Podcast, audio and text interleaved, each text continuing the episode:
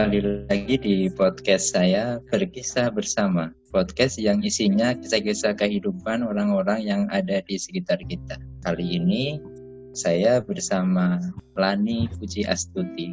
Dia adalah salah satu volunteer di Rumah Sakit Darurat Penanganan COVID-19 Wisma Atlet. Halo, Mbak Lani. Halo, Mas Lanjar. Gimana kabarnya? Alhamdulillah baik. Kemarin berapa hari menjadi volunteer di Rumah Sakit Darurat tersebut? Kemarin itu 14 hari dari 24 Maret sampai 7 April. Pengennya sih lebih, tapi ternyata bolehnya cuma sampai 14 hari. Mbak Lani ini kesehariannya kerja di mana? Oke, sehari-hari itu kerja di salah satu BUMN di sektor jasa keuangan, namanya PT Perusahaan Pengelola Aset Persero sebagai Corporate Communication Officer. Kenapa kok ada kepikiran untuk ikut menjadi volunteer menangani sebuah pandemi yang belum ada vaksinnya, tingkat penyebarannya tinggi, dan itu merupakan rumah sakit darurat. Kenapa kok kepikiran masuk ke sana itu kan seolah seperti masuk ke kandang singa. Iya. Kepikiran itu sebenarnya agak spontan ya. Jadi prosesnya itu memang rumah sakit darurat ini kan diumumin sama presiden untuk dibuka dan dipegang sama TNI dan Kemenkes itu selang empat hari sebelum uh, aku masuk jadi volunteer. Jadi prosesnya hari Rabu rumah sakit itu mulai disiapkan dari mulai alat kesehatan ya segala macam diawali sama TNI terus Kamis Jumat itu keluar pengumuman dari Forum Human Capital Indonesia. Itu di bawah Kementerian BUMN kalau mereka buka program volunteer. Boleh buat karyawan BUMN, buat swasta, buat mahasiswa juga. Terus akhirnya selama requirement-nya masuk dan ngerasa cukup sehat, terus juga nggak ada resiko yang kayaknya badan nih nggak nggak bisa gitu. Misalnya kayak penyakit turunan alhamdulillah nggak ada. Terus kayak imun juga masalah imun juga nggak ada. Jadi nggak ada yang menghalangi aja gitu. Terus dari kantor pun setelah saya coba izin ya alhamdulillah semuanya lancar gitu. Orang tua juga kasih izin selancar itu gitu. Jadi kayak dimudahin aja. Oke yang saya baca di media itu proses pengadaan rumah sakitnya, proses logistik mendatangkan dokter dari Polri dan TNI itu sangat cepat. Apakah benar demikian? Ya, itu benar-benar kayak Bandung Bondowoso nih. Ada satu bangunan Wisma Atlet. Iya, jadi hari Senin itu mulai terima pasien dan hari hmm? Minggu hmm? saya mulai masuk dan TNI itu udah ada lima hari sebelumnya jadi mereka cuma punya waktu lima hari. Itu ibarat babat alas bener babat alas itu namanya. Jadi bayangin wisma atlet yang bentuknya itu kayak hmm. komplek apartemen hotel kan tapi, komplek apartemen iya, hotel kamar-kamar tanpa ada instalasi kesehatan apa pun. Iya bener. Bayangin apartemen disulap jadi kamar pasien terus ada IGD-nya terus ada obat-obatannya ada farmasinya ada ngurusin limbahnya dan segala macam urusan rumah sakit itu dengan jumlah pasien yang nggak ada yang bisa prediksi akan sampai berapa gitu kan. Terus jadi ya semua prosesnya itu memang sesingkat itu dan ya udah dijalanin aja gitu. Yang menjadi volunteer di sana kebanyakan milenial atau ada yang sudah senior? Dan juga dari kalangan apa saja? Apakah ada dari kalangan tenaga kesehatan sendiri atau semua dari umum? Ya kalau dari kalangannya itu ada dari Kementerian Kesehatan. Itu mereka yang provide untuk mendatangkan dokter-dokter. Dokter-dokter ini juga kebanyakan dari perkumpulan. Ada Ikatan Dokter Indonesia, ada Perhimpunan Dokter Paru Indonesia, terus ada Ikatan Perawat. Uh, agak lupa nama ikatan perawatnya, pokoknya dari seluruh Indonesia gitu jangkauannya mereka terus farmasi juga ada perkumpulannya juga itu seluruh tenaga medis dikoordinasikan oleh Kementerian Kesehatan. Nah, kalau yang kayak aku itu masuknya kelompok volunteer non medis. Jadi non medis ini ada TNI, Polri, terus dari BUMN, terus dari provider jasa cleaning service juga nggak main-main loh cleaning service-nya untuk puluhan lantai mau itu di rumah sakit sama di tower yang ditinggali sama volunteer kan? Nah, itu kalau dari kalangannya. Sebenarnya tenaga medis Berarti juga kira-kira ada berapa personil itu? Personil waktu aku masuk personilnya dengan uh, waktu yang sangat singkat tersebut. Iya. Jadi pengadaan personil tuh jalan terus. Uh, waktu aku masuk itu masih di kisaran 200 sampai 300-an. Hanya dalam waktu dua minggu itu udah 500 orang. Dan sekarang udah 800-an orang karena seiring pasiennya nambah, kapasitasnya juga ditambah. Jadi tenaga volunteernya juga tambah terus. Yang Mbak Pani lakukan di sana apa? Yang dilakukan di sana awalnya nggak ketebak dan nggak kebayang ya. Walaupun oh, udah ada bagiannya masing-masing ada bayangan sama sekali ya. Di iya. sana mau ngapain? Yang penting niatnya ingin membantu di sana. Iya jadi ibarat penanganan bencana itu ini bagian tanggap darurat. Apa pun yang bisa dikerjain kerjain. Kayak misalnya uh, pas aku datang itu udah ada bagian-bagiannya kan di ceritanya kayak back office-nya lah. Uh, urusan administrasi, ada urusan logistik, perlengkapan, akomodasi, ada bagian penyediaan konsumsi buat rumah sakit. Jadi kita supporting dua kelompok nih, kelompok untuk kebutuhan rumah sakit sama kelompok yang non medisnya gitu, yang tenaga volunteer semuanya ini gitu. Dan aku di bagian akomodasi, perlengkapan, sama uh, logistik berarti mengecek uh, perlengkapan apa saja terus bantuan berapa yang masuk? Ya kelihatannya uh, awalnya tuh ya udah ngeraba-ngeraba aja kerjaan ini apa sih sebenarnya? gitu. Jadi begitu masuk tuh cuma dihadapin sama satu PC terus ya udah uh, ada dua TNI yang jadi koordinator tim logistik akomodasi sama perlengkapan itu apa pun yang mereka perlukan gitu mereka kan lebih ke teknis ya koordinasi di iya. lapangan. Terus kita bantuin di administrasinya di uh, perkomputeran lah istilah mereka itu. Jadi termasuk kayak sampai bagiin kunci kunci kamar. Kunci kamar. Iya, untuk iya, jadi para alur, volunteer. Iya. Jadi alurnya itu kan kalau di Wisma Atlet volunteer datang dapat ID card. ID card itu nunjukin mereka akan tugas di zona merah, kuning atau hijau. Merah itu masuk ya, ada ke pembagian tiga zona ya. Iya. Nah, itu bisa dijelaskan area. zona merah itu yang gimana, kuning gimana, hijau gimana? Iya, jadi zona merah itu zona rumah sakit yang langsung kontak sama pasien. Terus kalau zona hijau itu lebih ke supportingnya kayak dapurnya rumah sakit lah, urusan ada manajemen rumah sakitnya di situ, kepala rumah sakit di situ, terus ya tadi tempat saya uh, apa tuh kayak perlengkapan, akomodasi, logistik juga berkantornya di situ di zona kuning. Terus zona hijau itu lebih ke sekretariat yang sifatnya eksternal karena rumah sakit Wisma Atlet ini kan fully support sama uh, dana CSR-nya BUMN ya. Jadi kantor perwakilannya BUMN lah ada di zona hijau itu. Gitu. Itu kurang lebih kalau zonasi.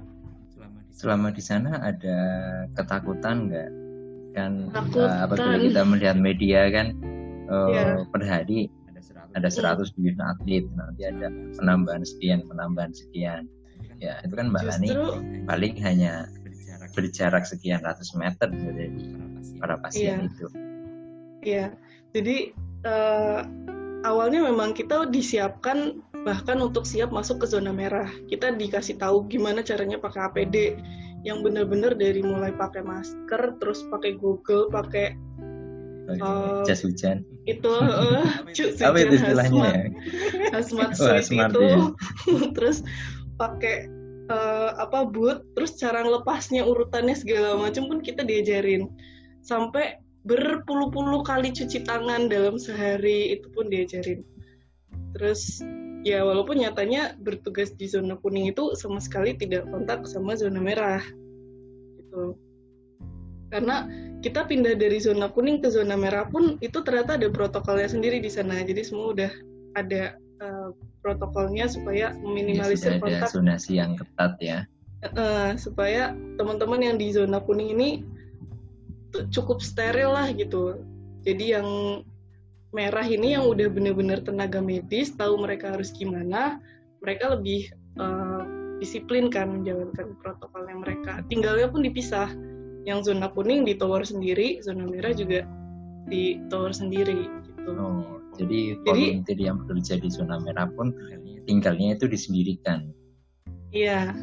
Jadi kalau takut tuh lama-lama kayak kayak apa ya kita pun kadang saking banyaknya kegiatan sampai oh ya kita belum update nih hari ini ada kabar apa sih? Gitu. Akhirnya kita nonton TV via itu pakai PC gitu. Coba lihat jam 3 sore kan selalu ada press conference dari pemerintah tuh kita lihat jumlahnya. Seingat saya jam 15.46 itu berita sudah muncul itu ingat banget saya. Iya. karena dua bulan ini kan selalu diupdate per hari. Gitu. iya nah, justru Jadi, yang ketakutan angka 300 itu angka 300 sampai sekarang angka 14 ribu iya dan itu memang awalnya uh, eh, TNI di sana itu udah prediksi angka itu ngelihat dari kesiapan yang ya boleh dibilang banyak gagap lah kalau dibanding sama negara-negara kayak Cina, kayak Korea gitu dari mulai mendatangkan rapid test dan segala macamnya gitu kan. Justru yang takut itu orang-orang yang masuk ke wisma atlet gitu, yang mereka nggak tahu kalau misalnya nih ada paket datang bantuan. Ada yang pakai hazmat full. Itu ngapain hmm. gitu kan? Paket karena dari donasi dari ya. Uh, padahal mereka cukup pakai masker aja udah cukup safety mereka nggak akan kontak sama sekali gitu justru ketakutan kepanikan tuh muncul karena kita nggak tahu karena nggak ngerti gitu sih ya ya nggak tahu nggak ngerti bahwa di dalamnya sudah di setting sedemikian rupa untuk meminimalkan yeah. persebaran itu. Iya. Maksudnya di zona merah sendiri ini diisi oleh tenaga medis kah atau ada yang lain? Mereka-mereka yang bekerja di zona merah ini? Mm, zona merah itu ya jelas tenaga medis ya dokter, perawat, farmasi, terus rekam medis, terus ada cleaning service sih mungkin yang non medisnya ya.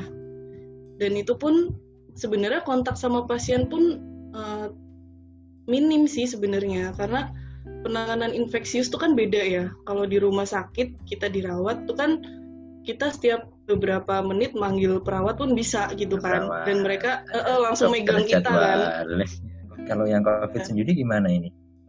Nah kalau di wisma atlet sebenarnya itu lebih ke karantina mandiri tapi didampingi sama dokter dan perawat. Jadi misalnya uh, aku dirawat di lantai 7 misal. Di lantai 7 itu ada sekitar 30 kamar. Masing-masing diisi satu orang.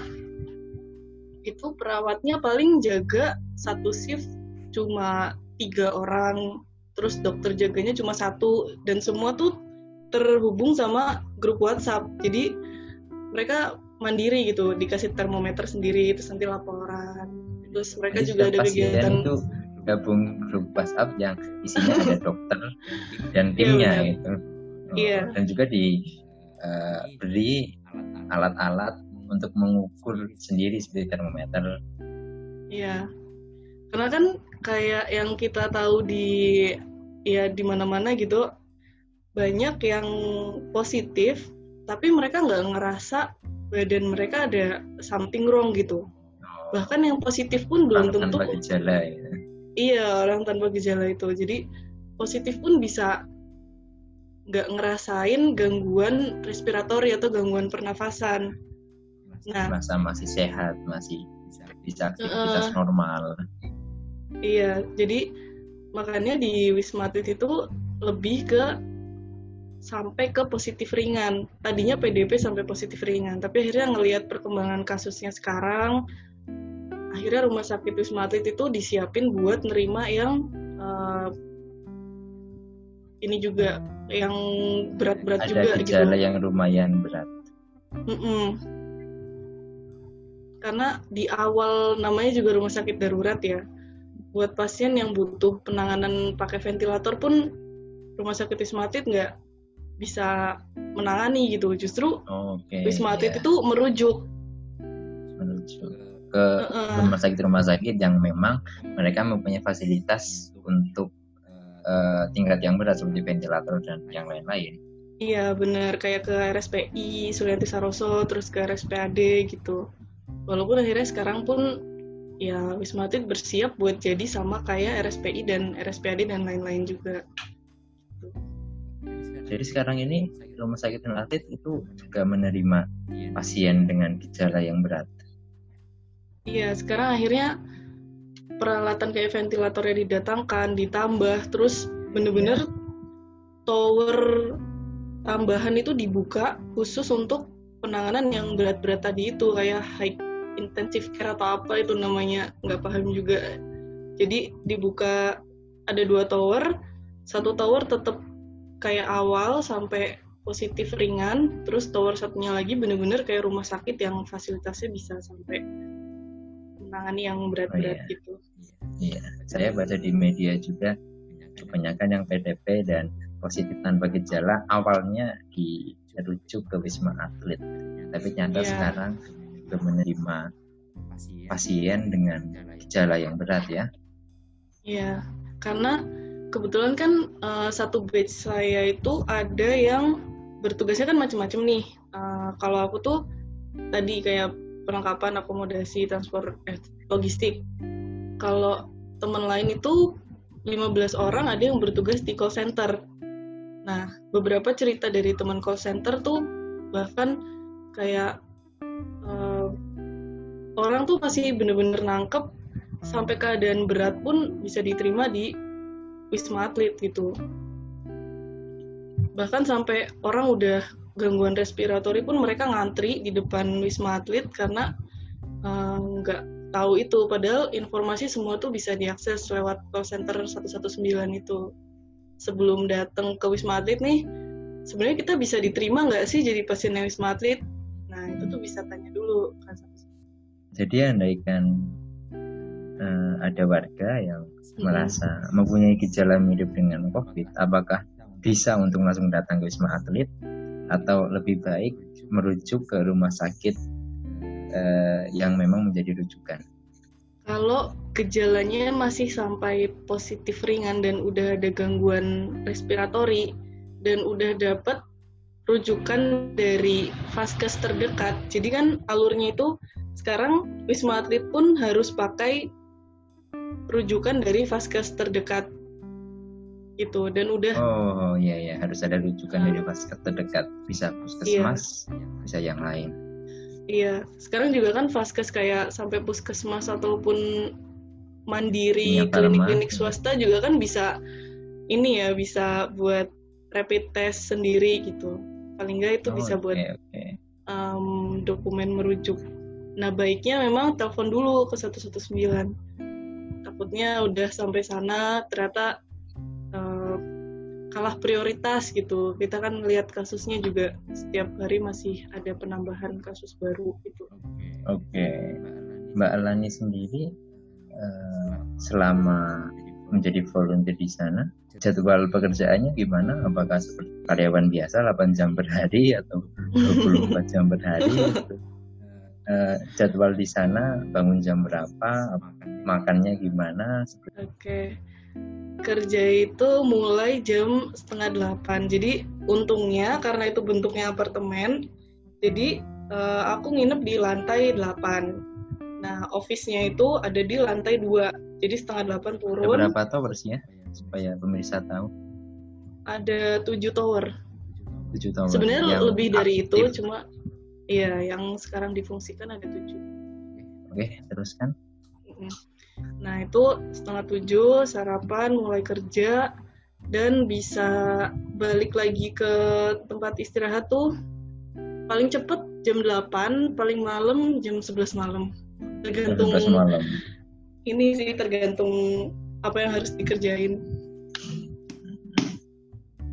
Oke oke oke. Kalau makanan terjamin alhamdulillah. Walaupun awal-awal itu sempat ada sih dapur umum, cuma kan nah, kita kan nggak cuma butuh makan siang tok ya. Terus yeah. kan terus dengan menu yang itu gitu. Walaupun itu memang udah disesuaikan sama standar gizi segala macam. Akhirnya uh, seminggu mulai operasi wisma atlet itu banyak donasi makanan terus kopi oh, susu oh, vitamin. donasi pun ada yang bentuk makanan ya? Iya banyak banget dan itu untuk para volunteer dan yang bekerja di sana. Iya. Apa aja bentuk donasinya? Macem-macem sih kalau makanan itu alhamdulillahnya bahkan sampai berlimpah waktu awal-awal itu. Sampai jadi kita bikin jadwal nih karena kita kan nggak pengen juga bantuan itu uh, mubazir ya sayang-sayang gitu. Jadi misalnya hari Senin uh, makan pagi terus snack makan siang. Jadi udah ada jadwalnya setiap donatur tuh mau masuk di hari apa barangnya apa terus jenis makanannya apa gitu. Bahkan sampai oh, buah okay, okay. susu biskuit sampai peralatan mandi peralatan nyuci itu juga dapat oh ya sudah paket lengkap itu ya. Iya. Sewaktu di sana 14 hari ya kalau nggak salah iya 14 hari plus 14 satu hari. hari memang sudah dijadwal seperti itu ya karena ada iya. pergantian batch iya karena ada pergantian batch karena peminatnya pun banyak banget. Batch okay. satu itu cuma bisa ngirim 25 orang, sementara pendaftarnya yang udah diproses sampai medical check up tuh sekitar 200-an orang waktu itu. Oke. Okay. Setelah menjalani 14 hari menjadi volunteer, apakah ada tes untuk melihat apakah sudah terpapar atau belum? Nah, ya itu satu minggu setelah masuk itu uh, rapid test yang sebanyak itu yang didatangkan pakai helikopter militer itu akhirnya datang dan termasuk ke wisma atlet juga dan termasuk ke volunteer juga jadi sempat dua kali rapid test oh berarti uh, di tesnya lewat rapid test ya? Iya lewat rapid test. Ada nggak yang positif? Para volunteer. Ada ada juga tapi satu gitu. Perbandingannya dibandingkan jumlah semuanya tuh uh, ya kecil sih dan udah ada protokolnya. Kalau misal ada satu yang kena nanti langsung pindah kamar isolasi terus bebas tugas jadi urut-urutannya itu udah ada berat juga ya menjadi volunteer dia harus bekerja membantu menghadapi segala risiko bahkan ada yang nah, ikut terpapar juga. Iya, terutama tenaga medis sih yang benar-benar ngelihatnya tuh salut ya. Mereka datang pun banyak yang dari luar Jakarta gitu pendatang.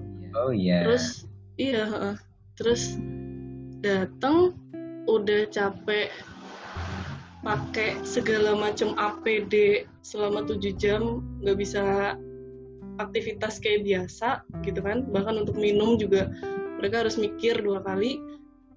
Udah gitu selesai APD tugas. ini sekali pakai kan ya? Apabila kita sudah men setup lalu dibuka lagi nggak bisa dipakai lagi harus setup baru. Iya kecuali boots itu bisa didekontaminasi pakai desinfektan gitu di random dicuci. Oke nah saya juga mendengar cerita katanya wisma atlet ini uh, pekerjanya dari Sabang sampai Merauke. Semua bahasa iya, ada di sana. Bener. Begitu yang dirasakan oleh Mbak Lani juga. Iya terutama yang TNI itu kan kita nggak tahu mereka bertugasnya tuh dari mana aja. Yang kita tahu mereka dari TNI aja gitu kan. Terus yang perawat juga kita tahunya mereka dari ikatan perawat. Kita nggak tahu perawat mana perawat mana gitu dari chapter uh, mana provinsi mana chapter mana kontingen Kalau mana kita tuh. ini dari dan di mana ya gitu kan. Iya. Satu uh, Indonesia panggil personilnya. Iya situ. Salutnya tuh buat tenaga medis mereka udah mau datang jauh-jauh dan bertugasnya itu kalau kayak aku kan 14 hari ya. Kalau yang tenaga medis tuh ada yang sampai sekarang pun masih tugas itu 14 hari tugas 14 hari off dan oh, nyuci sendiri. tugas lagi. Oke. Okay. Iya. Selama di sana apa nih pelajaran yang bisa diambil? Pengalaman pelajaran apa yang, yang sampai terkenang kayak gitu? Sangat terkenang sih sampai ini udah pulang ke kosan aja rasanya kayak buka pintu oh ya udah bukan wisma atlet gitu kan. Yang bayangnya itu masih gitu. masih kamar wisma atlet ya. Iya. Terus minimal ya kita dapat pembekalan kan protokol covid tuh gimana sih cara cuci tangan yang benar terus pentingnya cuci tangan pentingnya arti memutus mata rantai itu apa gitu. Terus beratnya perjuangan garda terakhir kan harusnya para tenaga medis itu gitu. Jadi lebih teredukasi sih diri sendiri terus juga buat lingkungan sekitar gitu. Kalau misal di kantor ada yang perlu informasi juga bisa bagi informasi gitu. Oke okay. untuk para volunteer ini kan memang disetting untuk 14 hari ya? Ya nah after 14 hari itu apakah ada uh, pembekalan apakah ada tindak lanjut? Ya, kalau yang non medis itu 14 hari setelah bertugas mereka harus karantina mandiri karena mereka tergolong orang dalam pemantauan. Ya, ya ODP ya, menjadi otomatis jadi ODP. Ya, kalau yang medis yang masih bertahan di sana juga sama. Mereka tetap ada di sana, nggak bertugas, tapi ikut protokol sebagai ODP juga. Baru nanti 14 hari kemudian dia tugas lagi. Oke, okay. berarti tenaga medis nggak pulang ke tempat masing-masing, tapi dia mereka stay di sana walaupun nggak bekerja. Iya. Menjalani isolasi mandiri. Iya. Ada juga yang mereka juga dokter-dokter TNI ini kan pengalamannya udah jauh lebih banyak ya. Jadi mereka kalau lagi off mereka ngisi pembekalan buat tenaga medis yang baru masuk gitu.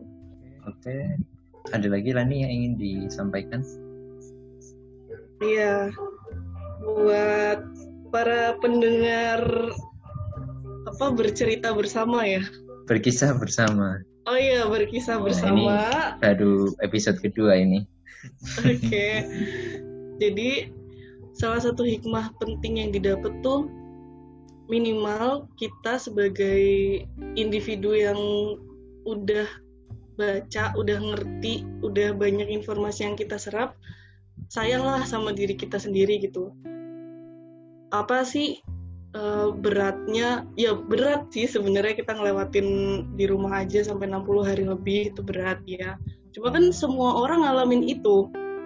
Orang tua responnya gimana? Apakah kamu kucing-kucingan atau minta izin dahulu? minta izin dong, nggak kucing-kucingan. Saya kucing-kucingan ini. nanti takutnya ini ada yang nggak ridho. Responnya, responnya positif ya orang tua ya? Responnya positif alhamdulillah. Pesan untuk kawan-kawan milenial yang lain ini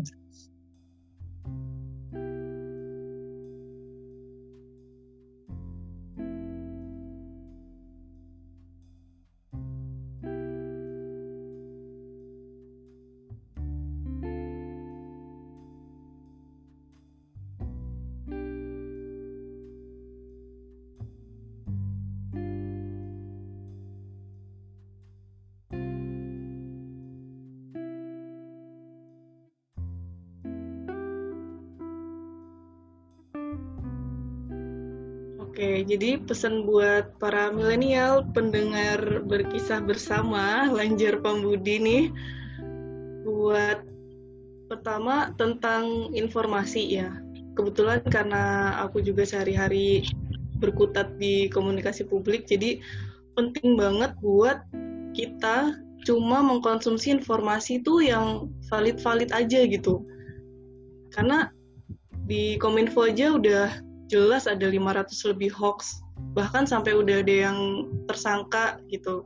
Berarti ini kan sebuah uh, kejahatan yang terencana juga di balik musibah ini gitu. Jangan sampai kita justru mengkonsumsi informasi yang kayak gitu. Terus kalau buat aku sendiri perenungan setelah berpuluh-puluh hari ada di kosan itu kayak mending kita nyiapin buat new normal yang udah disebut-sebut banyak orang bakal terjadi setelah pandemi ini daripada kita cuma ngurusin kapan sih ini kelar, kapan sih bisa mudik, kapan sih bisa ke mall lagi, bisa traveling lagi, bisa jalan-jalan lagi, itu semuanya bisa nanti gitu. Cuma setelah nanti kita keluar dari pandemi ini, ada new normal, siap nggak sih kita dengan kebiasaan-kebiasaan baru itu gitu. Mending nyiapin new normalnya kita sendiri. Seperti itu. Iya. Sangat asik sekali ini. Luar biasa. Oke, okay para pendengar berkisah bersama. Terima kasih ya sebelumnya untuk Mbak Lani yang sudah menyempatkan waktunya dan bercerita pengalamannya selama menjadi volunteer di Rumah Sakit Darurat Wisma Atlet.